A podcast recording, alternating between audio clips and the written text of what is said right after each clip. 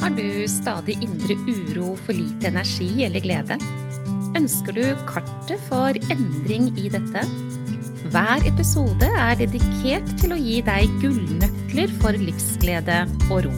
Du får strategier og innspill som hjelper deg fra nedstemt til oppstemt og fra uro til ro. Vil du ha en gratis oppskrift for å lage deg gode dager? Gå til www.gayabalanse.no for din herlige morgenrutine.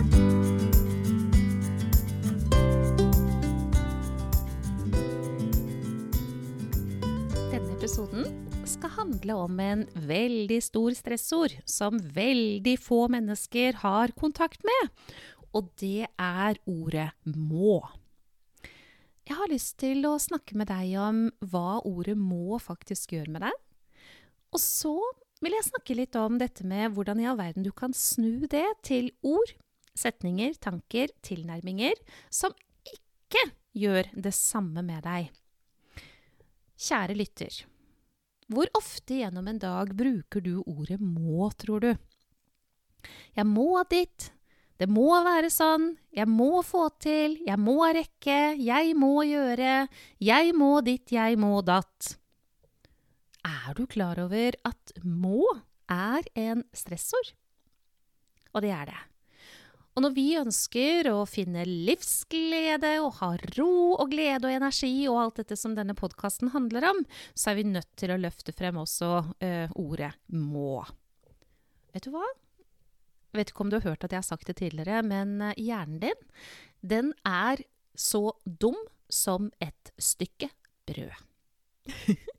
og det er i den forstand at hjernen din den bare tar imot det du sier. Og så får du ingredienser ut fra de eh, Altså du får servert det du har bedt om. Og det finnes noen sånne ord som hjernen er skikkelig dum på, og et av de ordene, blant flere, er ordet må. Du kan egentlig forestille deg at når ordet må blir brukt, så er det som at hjernen din blir en trassig tenåring. Jeg vet ikke hva slags, eller om du har erfaring med tenåringer, men eh, det er veldig sjeldent spesielt eh, lurt pedagogisk å si til en tenåring f.eks. Du må ditt, du må datt, så må du det, og så må du være sånn, og så må du huske på, og så må, må, må, må, må. Jeg vet ikke om du har erfaringer, men eh, når jeg sier det her til deg nå, så ser jeg for meg mine egne barn og trassen deres hvis jeg hadde vært så uklok at jeg brukte ordet må når jeg prøvde å få til noen ting i relasjon med dem. Må er på mange måter et stoppord for hjernen. Det er veldig lite lystbetont, det er påtvunget, det er tungt. Det er i det hele tatt ikke et veldig gunstig ord.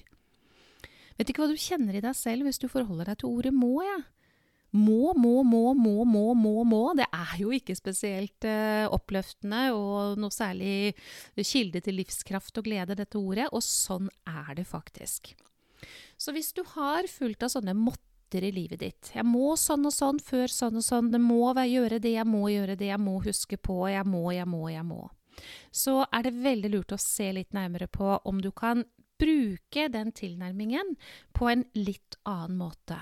Og det lureste du kan gjøre, det er å få det til å bli 'jeg vil' eller 'jeg har lyst til'.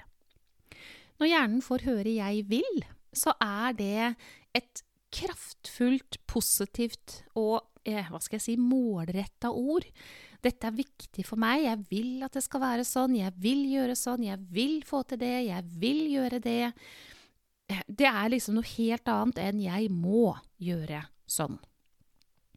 Et eksempel som uh, dukket opp uh, i samtalerommet for ikke så altfor lenge siden, uten at det er veldig viktig, uh, så var det en dame som fortalte at hun, moren hennes var kommet på ja, pleiehjem. Og hun hadde absolutt behov for å være der, hvilket sånn er det i våre dager. Man kommer ikke dit med mindre man ikke kan være hjemme lenger. Så det er klart, denne mammaen hennes, hun, hun var pleietrengende.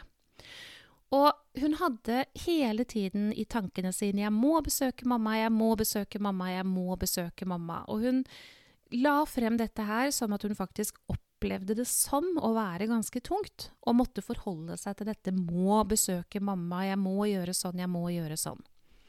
Og så spurte jeg henne, men har du lyst til å besøke din mor, da? Og da svarte hun med en gang, ubetinget, ja, det har jeg, jeg har jo lyst til å besøke mamma. Og så ba jeg henne å bare prøve å si det isteden. Jeg har lyst til å besøke mamma til søndag. Jeg har lyst til å kjøpe noe mat og ta med til mamma når jeg har lyst til å gå på besøk dit. Jeg har lyst til, jeg har lyst til. Og når hun gjorde det, så opplevde hun en endring i hvordan hun hadde det i seg selv. Så bare prøv, kjære lytter, om ikke du også kan erfare det. Hvis du nå går på jakt etter dette med må, må, må, og så snur du det enten til jeg vil eller jeg har lyst til. Da blir det helt annerledes. Jeg vil besøke mamma, jeg har lyst til å besøke mamma, kontra jeg må besøke mamma Og bare den vridningen der, den er veldig, veldig gunstig. Det er en uh, å ta, ta, bort en stor stressord, faktisk. Og den eneste måten du kan gjøre det på, det er å øke bevisstheten din. Hva slags ord bruker du? Hvilken tilnærming har du? Er det mye må her, eller er det må i det hele tatt, så er det veldig viktig å få snudd det. Og så kan man jo si at ok, det eksempelet jeg ga nå da med å besøke sin mor, det kan jo ofte være sånn at det er enkelt å få snudd til 'jeg vil besøke mamma', 'jeg har lyst til å besøke mamma'. Men hvis det er noe som man faktisk ikke vil, da, men at man har kommet i en situasjon hvor man må gjøre det For det kan det jo være, uten at jeg kommer på et eksempel i full fres akkurat nå. Eh, men det kunne jo ha vært eh, en arbeidsoppgave, f.eks., som man absolutt ikke har lyst til. Eh, nå dukket det opp noe i hodet mitt. og det, det, var fordi um, forrige dagen så gikk eh, samboeren min inn i dusjen og åpna sluket og tok bort alt som lå nedi der, uten å gå nærmere i detalj på det. Men det, sånn, det er ikke noe sånn veldig lystbetont arbeid, akkurat. Vi hadde merket begge to i dusjen at, eh, at det var på tide å rense det sluket. Og så gjorde han det. Han gikk inn og renset det sluket, og jeg er helt sikker på at han hadde i hodet sitt da nå må jeg rense det sluket. Hvordan skal man få det til å bli vill, liksom? Jeg vil rense det sluket, jeg har lyst til å rense det sluket. Men det er ikke så innmari vanskelig, egentlig. Fordi hva får du ut av å gjøre det? Og vil du ha det? Jeg vil at vannet skal renne fritt, derfor renser jeg det sluket. Jeg har lyst til at ikke det skal samle seg eh, vann i karet. Så hvis jeg nå tar og renser det sluket, så blir det på en annen måte. Det jeg får ut av å gjøre dette, som i utgangspunktet ikke er så lystbetont, det vil jeg ha. Det har jeg lyst på. Og da er det mye, mye bedre å holde fokus der og få snudd denne må-en til vil, har lyst til. Tenk deg at jeg sitter her og bruker av min og din tid da, på å snakke om dette her. Man skulle jo tro det ikke var viktig i det hele tatt, men det er ikke sant. Det er kjempeviktig. Det går nemlig ikke upåaktet hen, så vil du ha livskraft og livsglede og alt som hører til, så er det veldig lurt å, å ta tak i også det her. Så alle måtter kan gjerne slenge på alle burder også. Er det veldig lurt å leke litt med og se nærmere på om ikke du kan få snudd det på en eller annen måte til vil, har lyst til. Og du, helt til slutt. Jeg har jo laget en gratis gave til deg, din herlige morgenrutine. Den håper jeg du tar imot. Det er stadig flere som sender e-post til meg og sier at du, Monica, jeg er så glad for den morgenrutinen. Den bruker jeg, og den kjenner jeg gjør meg godt. Tusen takk for det. Ja, det er meningen, det. Det er ikke Eh, sånn at uh, dette nøkkelknippet ditt kun rommer den gullnøkkelen der. Det er flere, men det er et godt sted å starte. Og du får den på gaiabalanse.no. Din herlige morgenrutine. Gave til deg fordi du er verdifull.